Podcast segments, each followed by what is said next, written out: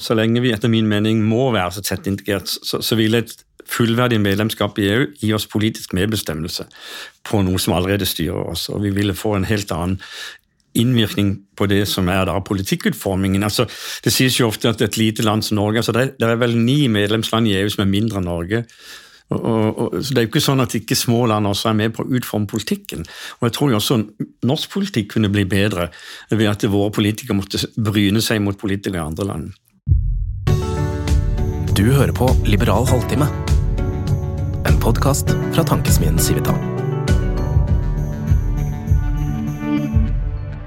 Velkommen til Civitas podkast Liberal halvtime. Jeg heter Mathilde Fasting og er dagens vert. Dette er en episode om Norge og EU i en serie podkaster som kommer til å komme gjennom hele 2024. Og I dag så har jeg invitert kollega i Civita og tidligere leder i Europabevegelsen, professor Jan Erik Grindheim. Og Vi skal snakke om EØS-avtalen, som er 30 år i år, og så skal vi snakke litt om Norges forhold til EU. Velkommen, Jan Erik. Takk skal du ha. Hva er EØS-avtalen? EØS-avtalen er um, den avtalen Norge og to andre land, Liechtenstein og Island, har med EU om å være med i EUs indre marked på lik linje med medlemsstatene i EU. Og eh, den avtalen den er ganske omfattende? Den er veldig omfattende.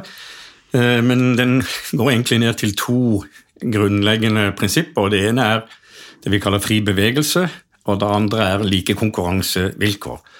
Og, Det betyr da at um, hver og en av oss kan bevege oss fritt innenfor dette området av EØS. Um, og du kan investere, og du kan kjøpe og selge varer og tjenester her.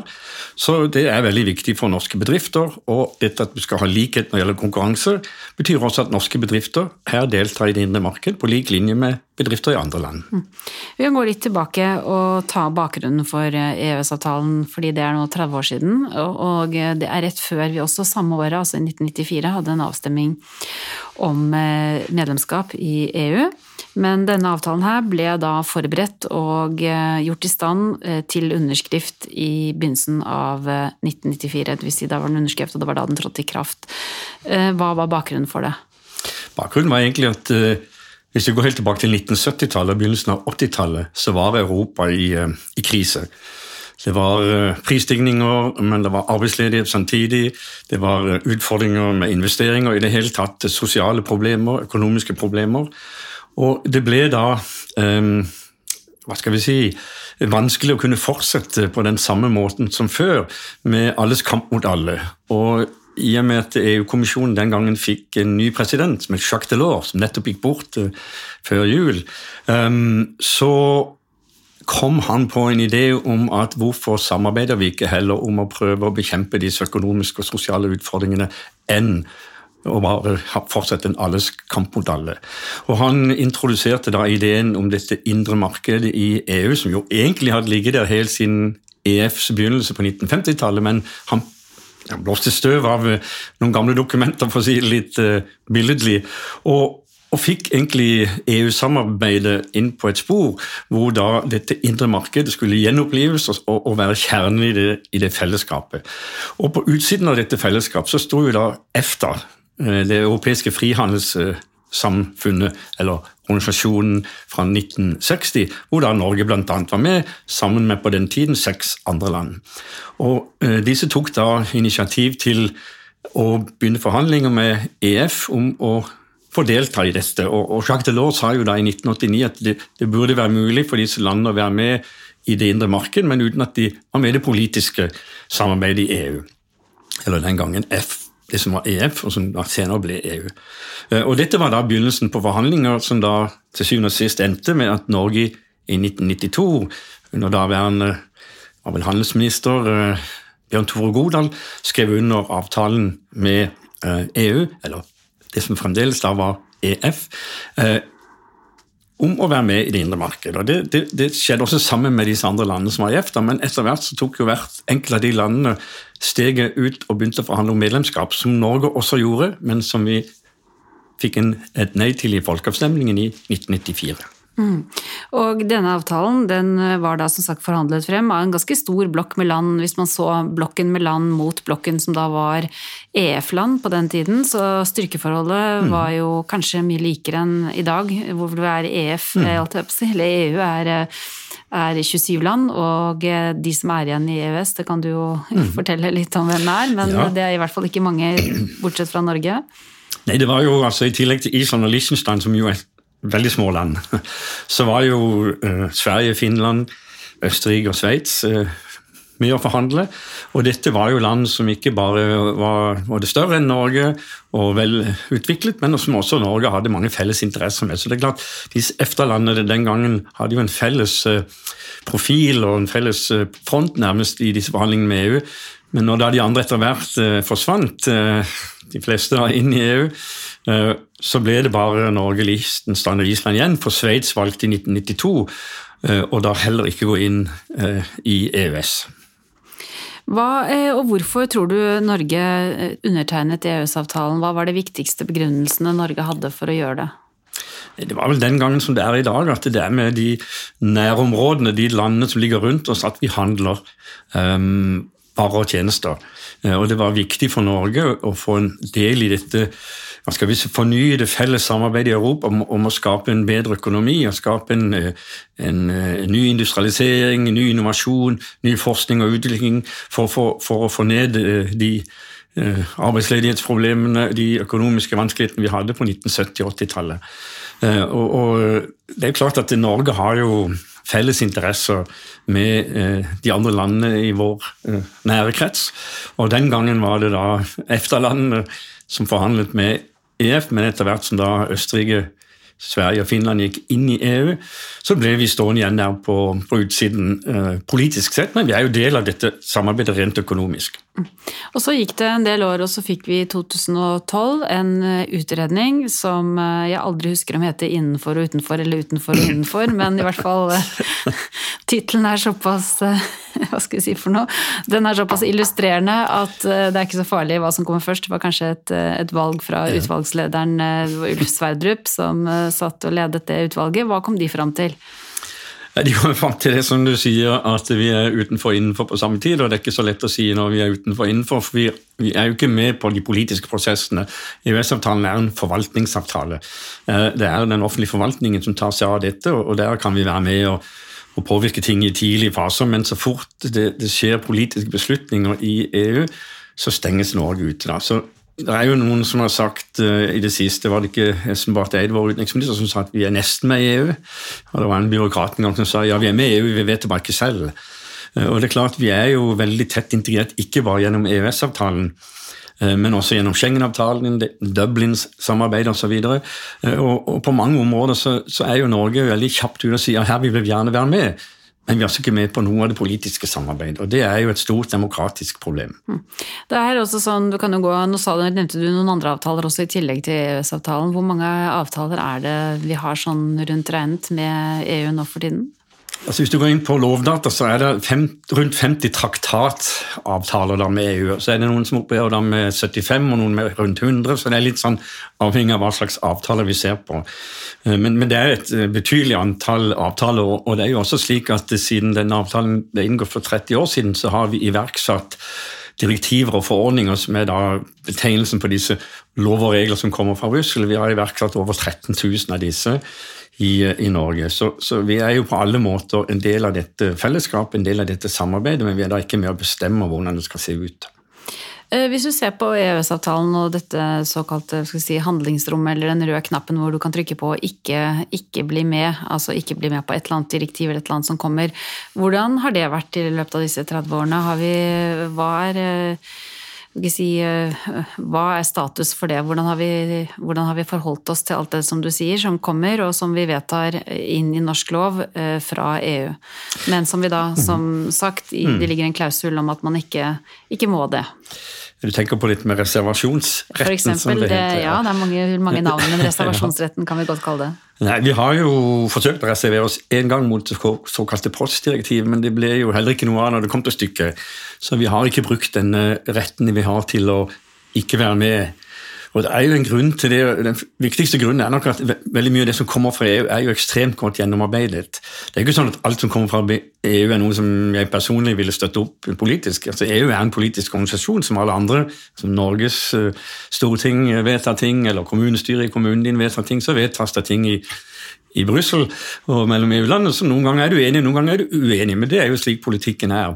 Men, men når, når, først ting kommer derfra, så er de nok så gjennomarbeidet, disse direktiver og forordninger, at er, det er vanskelig å, å, skulle finne noen grunner til ikke å, å, være med på dette. Det tror jeg er den viktigste årsaken til at vi, vi i veldig liten grad egentlig ja, gjøre noe annet enn det vi hadde gjort hvis vi var fullverdig medlem.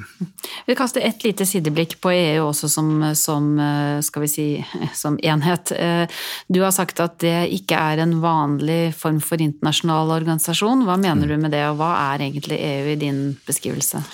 Altså, en internasjonal organisasjon, f.eks. FN, har jo egentlig et traktatgrunnlag hvor alle landene er suverene.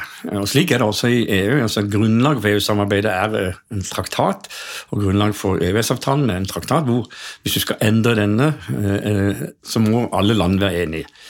Men det som skiller EU fra andre internasjonale organisasjoner, det er at eh, samtidig har landene avgitt suverenitet på faktisk veldig mange områder.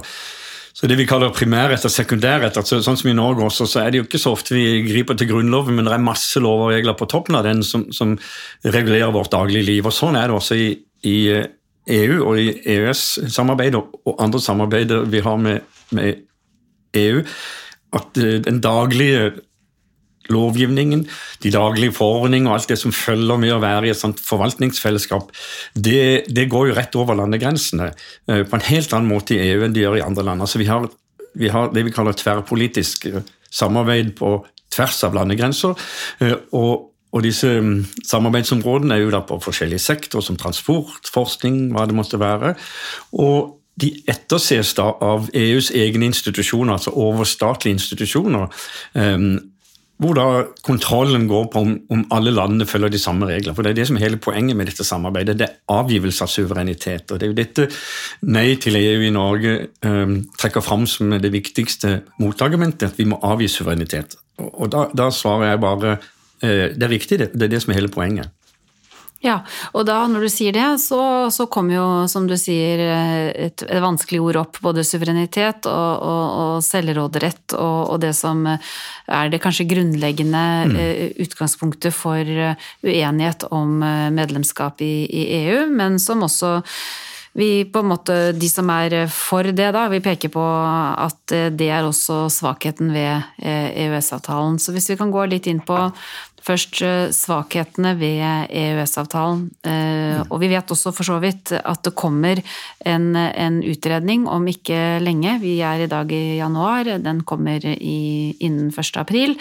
Og den skal også se på, på EØS-avtalen, eh, blant annet. Men hva er i dine øyne det vanskeligste med EØS-avtalen? Det er jo det at, eh, For å komme tilbake til ditt forrige spørsmål, så, så, ligner jo EU mye mer på Tyskland og USA enn det ligner på FN og andre internasjonale organisasjoner.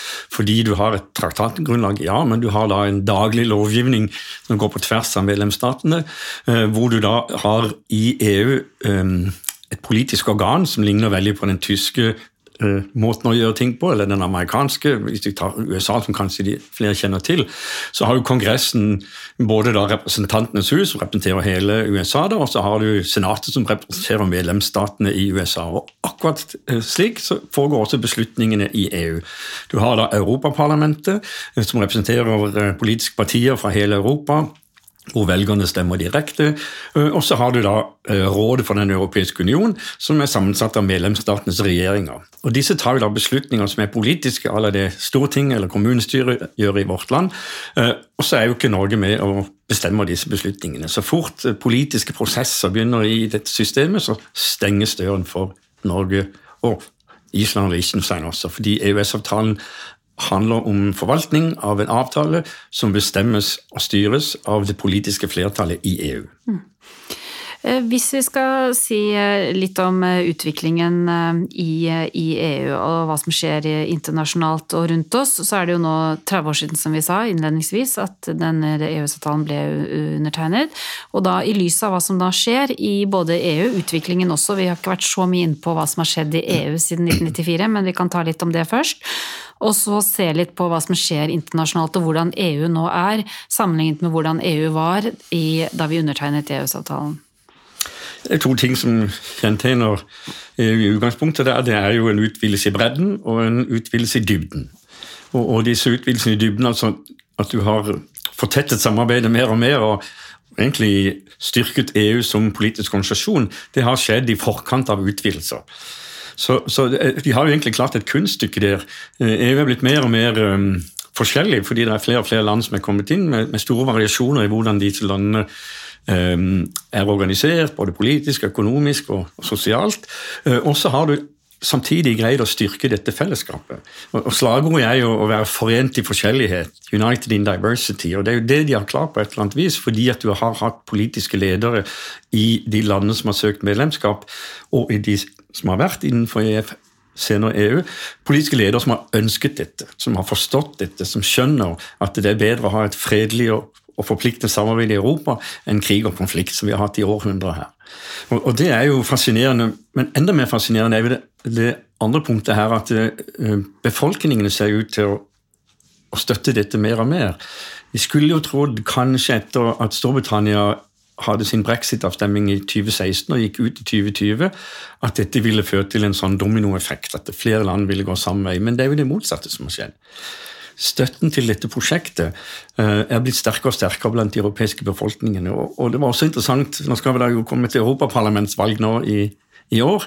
Eh, sist da dette foregikk i 2019, så økte deltakelsen fra det forrige valget da i 2014 eh, med over 10 prosentpoeng. Og det var spesielt blant de unge under 25 år at deltakelsen økte. Og dette er jo et veldig gledelig resultat. Det er klart, Fremdeles er det bare litt over 50% av eh, de stemmeberettigede som stemmer totalt sett, og det er stor variasjon mellom land. Så her er det store demokratiske utfordringer i EU-samarbeidet. Men det går fremover. Og øh, jo mer Europa klarer å føre en felles politikk på mange områder, jo mer ser det ut til at det, eh, befolkningen i disse landene støtter opp om dette, og ikke motsatt. Og hvis man skal kanskje ikke akkurat helle litt malurt i begeret her, men også se på ting som også blir nevnt da når det gjelder europaparlamentsvalget, som nå er et av de viktige valgene som skal skje i 2024, mhm. eh, i, i, før sommeren, så er det jo spådommer om at det vil bli eh, mer ytre høyre-partier, mm. populisme, som kommer til å også få større representasjon i Europaparlamentet, mm. hvis det går som man tror når man ser på stemmegivningen i andre valg som har vært i mm. EU-land. Ehm, hva slags risiko eh, vil det utgjøre i tilfelle?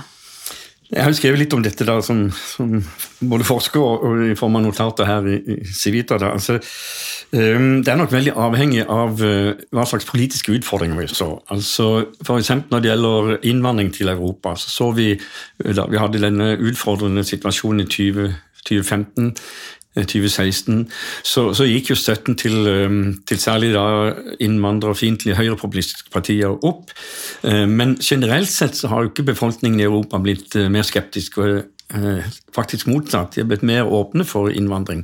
Så, så det var vel et typisk eksempel der en politisk utfordring som jo også splittet EU-landene på en veldig negativ måte, førte til en um, midlertidig da, mangel på støtte, og også da, som du sier, vekst i, i, populistiske partier som gikk imot dette. Og da var jo EU litt av den uh, grunnen de fikk uh, trukket fram på et eller annet vis, um, som da uh, gjorde at de fikk, fikk, økt oppslutning. Så kan du si det er jo ikke EUs skyld at det kommer mennesker på Europas port. I så fall så er skylden at EU og Europa er et vellykket sted å, komme til. Og det er jo noe vi må se på som positivt. Um, men det er klart sånne situasjoner gjør at du får en frykt hos veldig mange, som da gjør at de ser etter andre politiske løsninger enn den store majoriteten det er rundt midten. F.eks. i Norge, da, Høyre Arbeiderpartiet, det er jo den der store majoriteten rundt midten som, som dominerer i de aller, aller, fleste land. Og Hvis disse blir for like, hvis de blir for opptatt av å, å, å digge med EU og, og, si at alt er greit, og sånn, så, så, så popper de opp på, på fløyene. da.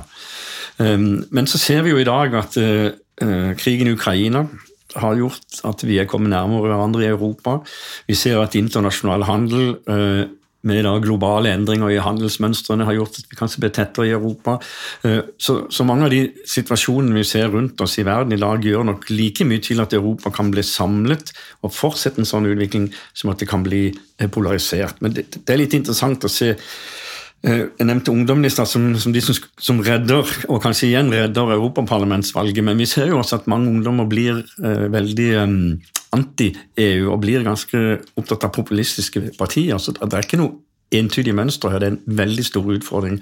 Ergo er det også viktig med politisk lederskap som understreker behov for fellesskap, behov for liberale, demokratiske verdier som kan da sikre det europeiske fellesskapet og sikre de enkelte landene i Europa. Hvis vi går tilbake igjen til EØS-avtalen, hvordan eh, tror du at det nasjonale kompromisset på en måte som, som egentlig EØS-avtalen er, vil stå seg eh, det neste tiåret? Vi kommer jo også nå i den nevnte EØS-utredningen, som vi helt sikkert kommer til å snakke mer om i Liberal halvtime også, få se eh, hva det utvalget kommer til når det gjelder andre muligheter Norge har til å knytte seg på ulike måter til internasjonale om det er EU eller om det er enkeltland. altså gjøre sånn som eh, Storbritannia er et av tingene som skal ses på. Det andre er eh, sånn som Sveits, som har egne avtaler. Eh, og det er også nevnt Canada. Så det vil da bli vurderinger av andre alternativer til EØS-avtalen enn et EU-medlemskap. Det skal ikke gjøre det til det største poenget her nå, men når vi kaller EØS-avtalen et nasjonalt kompromiss, så er det jo på en måte en slags sånn mellomvei. Det er ikke medlemskap, men det er samtidig veldig tett integrert. Så hvordan tror du at det vil, eh, vil stå seg det neste tiåret? Det er jo som du sier eh, et nasjonalt kompromiss, og du nevnte Ulf Sverdrup tidligere som var sekretær for dette utvalget som kom med den store NOU-en. Han har jo også sagt eh, gjentatte ganger at det, jo, det, er en avtale som har legitimitet fordi den er blitt et sånt kompromiss. da. Um, men det er klart, det er jo ikke noe For de av oss som tror på demokrati, som tror på demokrati som medbestemmelse eh, når beslutninger skal tas, så er jo ikke dette noen løsning for fremtiden. Og Ergo så syns jeg også det er veldig rart at du skal ha en utredning som skal utrede alternativer til EØS-avtalen. Og et av de alternativene som jo er åpenbart medlemskap det skal ikke utredes. Og, og jeg synes vel Vi vet såpass mye om hvordan Sveits og Storbritannia i hvert fall forholder seg til EU, eller forsøker å forholde seg til EU, at uh, vi trenger kanskje ikke noe utredning for å, å, å se at uh, det neppe er aktuelt for Norge. Vi får se hva som skjer når utredningen kommer. Ehm, men hvis vi skulle sett på eh, de viktigste eh, fordelene ved et norsk EU-medlemskap Du sitter jo her som tidligere leder av Europabevegelsen, så jeg går ut fra at du har eh, mange fordeler å by på. Og kanskje også at du samtidig tenker litt gjennom og kommenterer hva du tror vil bli de viktigste debattområdene dersom vi skulle, vi skulle komme opp i en ny ny debatt om et EU-medlemskap. Og da mener jeg med debattområder egentlig der det vil være mest uenighet. Altså, så lenge vi har EØS-avtalen, så lenge vi har Schengen, Dublin-avtalen, alle disse avtalene vi har med EU, og så lenge vi har politikere som, selv de som da er motstandere av norsk medlemskap og motstandere av EØS-avtalen, noen ganger sier ja, men dette må vi være med på, så er det ingen ulemper med å søke fullt medlemskap. Altså Det eneste vi får, det er jo politisk medbestemmelse. Vi blir også en del av EUs handelspolitikk, tollunion osv. Ting som vi i dag gjerne skulle ha vært en del av, men vi kan ikke få det uten et fullverdig medlemskap. Så kan du spørre sånne ting som skulle vi også bli medlem av euroen, og der er det jo veldig delte meninger blant oss internt her i Civita, men jeg er jo sterkt tilhenger av at Norge også burde være medlem av eh, euroen. og En av grunnene til det er jo for eksempel, som vi ser nå, store svingninger i valutakursene, som gjør at, eh, at eh, vi får et sånt vanskelig forhold til omverdenen når det gjelder import og eksport. Så, så, så, så, lenge vi er så tett integrert, og så lenge vi etter min mening må være så tett integrert, så, vil et fullverdig medlemskap i EU gi oss politisk medbestemmelse på noe som allerede styrer oss. Og vi ville få en helt annen innvirkning på det som er da politikkutformingen. Altså, det sies jo ofte at et lite land som Norge altså det, det er vel ni medlemsland i EU som er mindre enn Norge. Og, og, og, så Det er jo ikke sånn at ikke små land også er med på å utforme politikken. Og Jeg tror jo også norsk politikk kunne bli bedre ved at våre politikere måtte bryne seg mot politikere i andre land. Men det er klart det er utfordringer knyttet til et politisk samarbeid overstatlig som det er nasjonalstatlig for kommuner osv. Det er da hva slags politikk skal føres. Um, men så er det jo slik at EU får jo ofte skylden for ting som kanskje ikke EU har, f.eks. strømpriser i Norge. Det er jo uh, i Norge um, muligheter for oss til å være med i, i f.eks. et europeisk strømmarked, men det er jo også mulighet til å la være å være med. Er du medlem av EU, eh, eller er ting dekket av EØS-avtalen, så må du være med på dette. Vi kan reservere, som du har vært inne på tidligere, men, men, det er klart du må være med på dette. Men det er jo en del ting som ikke EU driver med, eh, og, og der eh, får jo likevel ofte EU skylden for at ikke det går så bra. Så, så, det er klart EU er et politisk samarbeid som har sine pros and cons, sine medforestillinger, motforestillinger. Eh, og, og, det vil jo da være mer opp til at hva slags politikk tror du på.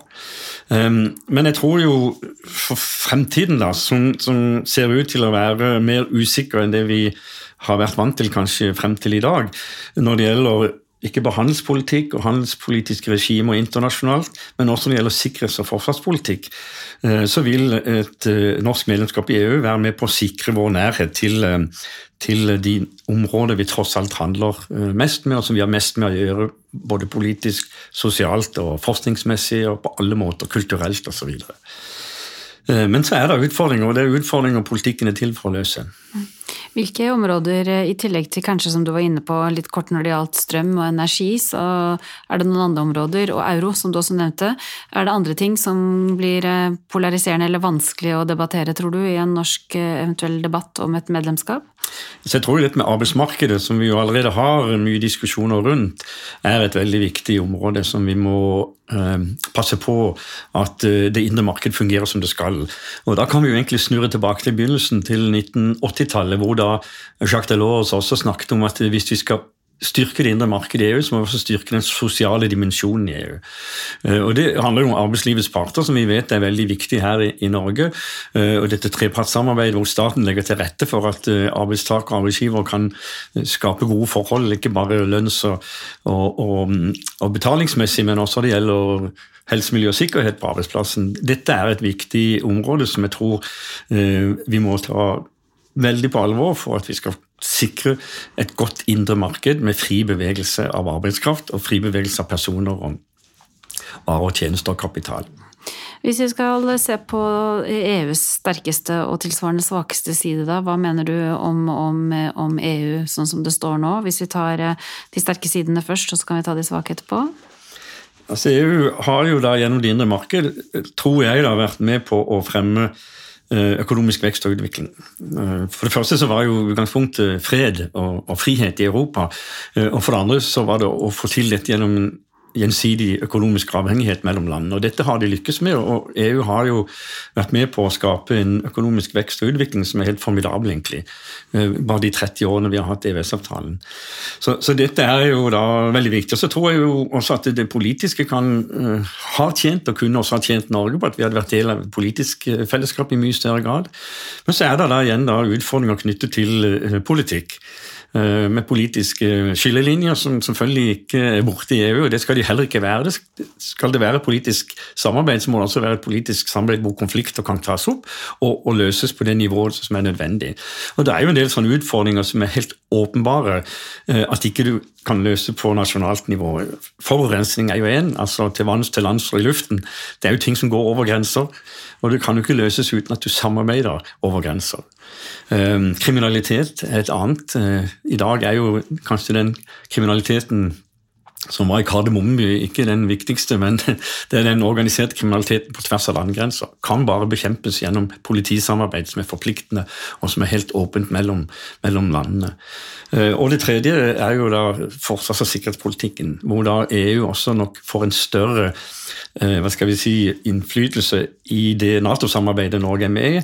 Eh, ikke minst nå når Sverige og Finland er gått inn i, i Nato. eller Sverige er ennå ikke kommet inn, men kommer nok. Og Danmark har gått bort fra sine uh, unntak fra EUs forsvars- og sikkerhetspolitiske samarbeid. Det, er klart, det, det plasserer Norge og Island på utsiden av en politisk sikkerhets- og forsvarsdimensjon i EU som, som Nato vil måtte ta mye mer hensyn til. Hvis vi da avslutningsvis skal se på 2024 videre fremover, vi er i januar nå, og året markerer, som vi sa, eh, for det første 30 år siden EØS. For det andre så blir det også 30 år siden eh, forrige EU-avstemning som Norge hadde i, eh, på høsten i 1994. Og for det tredje så er det Europa parlamentsvalg som er viktig. Og for det fjerde så er det også valg i USA som eh, ikke handler om EU og EØS direkte, men som eh, til de grader også vil påvirke hvordan man tenker om, eh, om forskjellige ting og politikk da, i, i, i, EU særlig, men også for Norge. Og du var inne på Nato. Alle disse tingene her, Det siste vi kan si også, er at uh, Jens Stoltenberg uh, er inne i sin aller siste fase som Nato-leder, og vi vet foreløpig ikke hvem det er som skal etterfølge ham. Men når vi ser på dette bildet her, og vi har krig i Ukraina og alle disse merke merkestenene som er for 2024. Eh, tror du at det vil bli noe mer debatt om, om, Norges forhold til EU i dette året her? Og i så fall, hvis det skulle bli en medlemsdebatt, vil noe av det jeg nå har sagt påvirke det eh, og føre til at det blir en eh, reell debatt om et medlemskap for Norge? Det aller siste der, så Kanskje ikke vi kommer i gang med en reell medlemskapsdebatt akkurat i år, men det er vel viktig at de av oss som er opptatt av eh, internasjonalt samarbeid, som er opptatt av det europeiske samarbeidet, som er opptatt av nasjonal sikkerhet og suverenitet, eh, at vi, eh, vi, vi fortsetter der vi, der vi, har vært, at vi fortsetter å snakke om EU og, og, og hvordan da norsk suverenitet, norsk selvstendighet, jo er helt avhengig av internasjonalt samarbeid i Nato og EU og andre internasjonale organisasjoner organisasjoner. Eh, og at vi opprettholder eh, denne debatten, at når dette utvalget legger fram sin eh, rapport nå i april, at vi da følger opp med en åpen og fri debatt. Men det vi til syvende og sist trenger, er jo politikere som er villige til å debattere dette. Så når politikere selv, Erna Solberg, da, som jo leder et parti som har i programmet sitt at de skal søke EU-medlemskap, sier vi må vente til velgerne modnes, så er det for tamt. Altså, Velgerne modnes jo ikke før politikerne modner dem. Eh, så, så, jeg savner da et politisk eh, grep her, hvor eh, politikere som da tror på dette fredsprosjektet, dette fremtidsprosjektet, tar um, dette på alvor og begynner å debattere norsk medlemskap i EU. Å gå ut av EØS og finne en modell à la Sveits og Storbritannia Nei, det, det, er helt urealistisk. Eh, fortsett med EØS, ja, det er vel kanskje en foreløpig realistisk situasjon, men det er jo uten politisk medbestemmelse. Det er mye bedre å gå inn som fullverdig medlem av EU. Mm, så du ser ikke frem til et 50-årsjubileum for EØS-avtalen? Nei, det er ikke det. Jeg håper ikke taket for en avtale som binder oss til et politisk system hvor ikke vi er med å bestemme. Da får du ha tusen takk eh, for at du kom i dag, eh, Jan Erik. Eh, og takk til lytterne som har hørt på i dag. Hvis du liker Liberal halvtime, så må du selvfølgelig abonnere på sendingene våre i podkastappen din. Og kan gjerne gi oss tilbakemeldinger og rate sendingene også, og selvfølgelig tipse andre om podkasten. Har du noe på hjertet, så send en mail til mathilde.civita.no eller eirik.civita.no. Takk for i dag, og velkommen tilbake. Du hører på Liberal halvtime en podkast fra tankesmien Civita.